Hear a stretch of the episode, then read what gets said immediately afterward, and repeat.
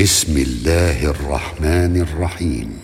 يا أيها النبي إذا طلقتم النساء فطلقوهن لعدتهن وأحصوا العدة.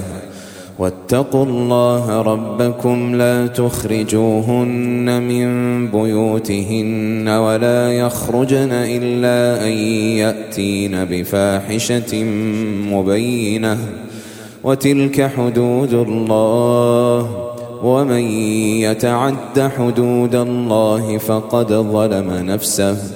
لا تدري لعل الله يحدث بعد ذلك أمرا. فإذا بلغن أجلهن فأمسكوهن بمعروف أو فارقوهن بمعروف. وأشهدوا ذوي عدل منكم وأقيموا الشهادة لله. ذلكم يوعظ به من كان يؤمن بالله واليوم الآخر ومن يتق الله يجعل له مخرجا. ويرزقه من حيث لا يحتسب ومن يتوكل على الله فهو حسبه.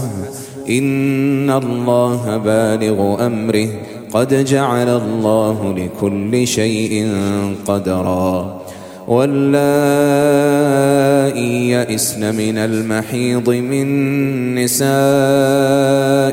إن ارتبتم فعدتهن ثلاثة أشهر واللائي لم يحضن وأولاة الأحمال أجلهن أن يضعن حملهن ومن يتق الله يجعل له من أمره يسرا ذلك أمر الله أنزله إليكم ومن يتق الله يكفر عنه سيئاته ويعظم له أجرا أسكنوهن من حيث سكنتم من وجدكم ولا تضاروهن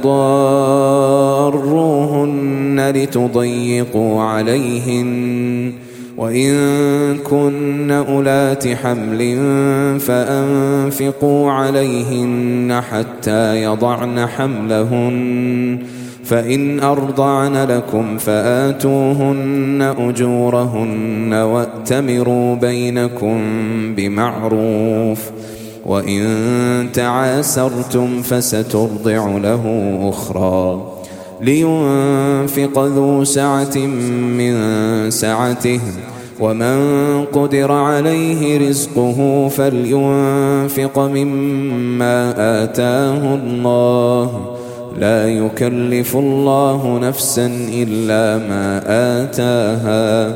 سيجعل الله بعد عسر يسرا. وكأي من قرية عتت عن أمر ربها ورسله فحاسبناها حسابا شديدا وعذبناها عذابا نكرا. فذاقت وبال أمرها وكان عاقبة أمرها خسرا. أعد الله لهم عذابا شديدا. فاتقوا الله يا أولي الألباب الذين آمنوا. قد أنزل الله إليكم ذكرا. رسولا يتلو عليكم آيات الله مبينات ليخرج الذين آمنوا وعملوا الصالحات من الظلمات إلى النور. ومن يؤمن بالله ويعمل صالحا يدخله جنات تجري من تحتها الأنهار خالدين فيها. خالدين فيها أبدا.